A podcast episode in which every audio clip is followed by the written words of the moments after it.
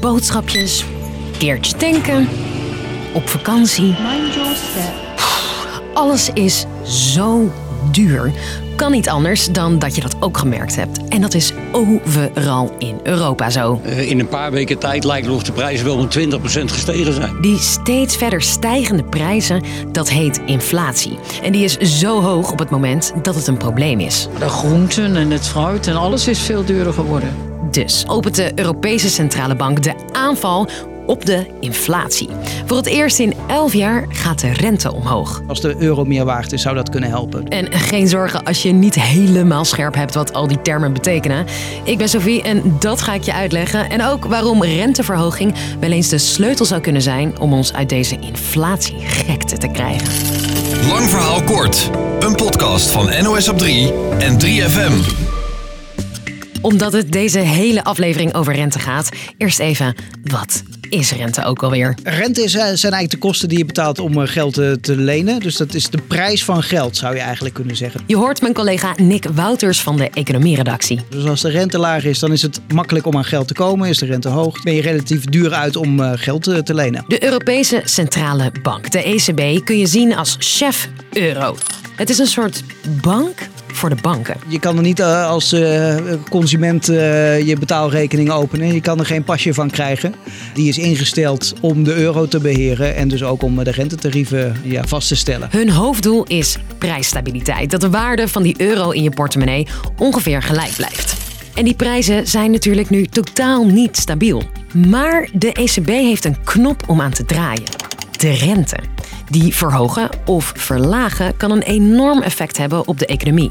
Verhoog je de rente, Dan eh, remt dat eh, de economische groei, want het wordt duurder om geld te lenen. En Stel, je wil een fabriek eh, ergens gaan neerzetten, dan ga je naar de bank en dan zeg je, mag ik die fabriek daar neerzetten? Maar ja, doordat de rente stijgt, ben je duurder uit. Dus er zijn veel investeringen die daardoor worden uitgesteld of niet doorgaan, omdat het dus duurder wordt. Door geld lenen duurder te maken, komt er in feite minder geld in omloop. De theorie zegt dat geld daarmee schaarser wordt en dus meer waard. Met andere woorden, door minder geld het systeem in te pompen, zouden de euro's die je hebt meer waard worden. Dus het remt de economische groei en dat moet er dan weer voor zorgen dat de inflatie wat afneemt. Toch draait de ECB niet vaak aan die renteknop. Het is namelijk een lastige balanceeract waarvan de effecten complex en niet direct te merken zijn.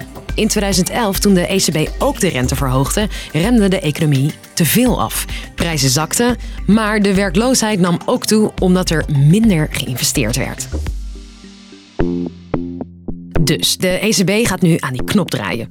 Terwijl voorzitter Christine Lagarde vorig jaar nog zei: As I have said before, it is very unlikely that we will raise interest rates in the year 2022. De ECB was met een andere strategie bezig en dacht dat de inflatie wel zou overwaaien. Dus er waren juist nog vele miljarden in de economie aan het pompen om te zorgen dat de economie maar bleef groeien. Ze hadden natuurlijk niet gedacht dat er een oorlog in Europa zou ontstaan die die inflatie verder opdrijft dan verwacht. High inflation is a major challenge for of. Of de renteverhoging op tijd is, moet gaan blijken. Want de inflatie kan ook al zo ver zijn dat het moeilijker is om bij te sturen. Dat zit zo. Inflatie kan zichzelf versterken.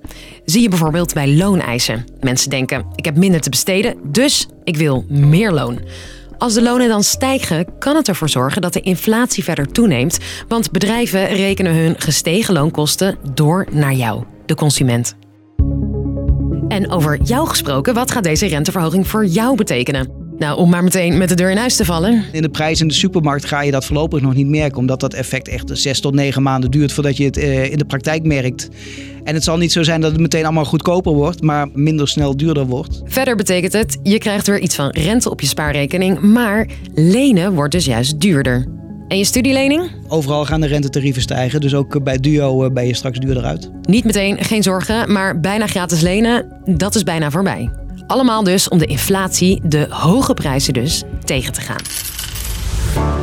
Dus, lang verhaal kort. Het is uitzonderlijk dat de ECB de rente gaat verhogen. Gaan ze doen om de prijzen wat te laten zakken. Dat heeft allerlei effecten waarvan sommige te voorspellen zijn en andere niet helemaal. Wel voorspelbaar dat wij er elke werkdag gewoon weer zijn. En heb je een idee of een opmerking over de podcast? Mail ons dan. Dat kan op lvk.nos.nl.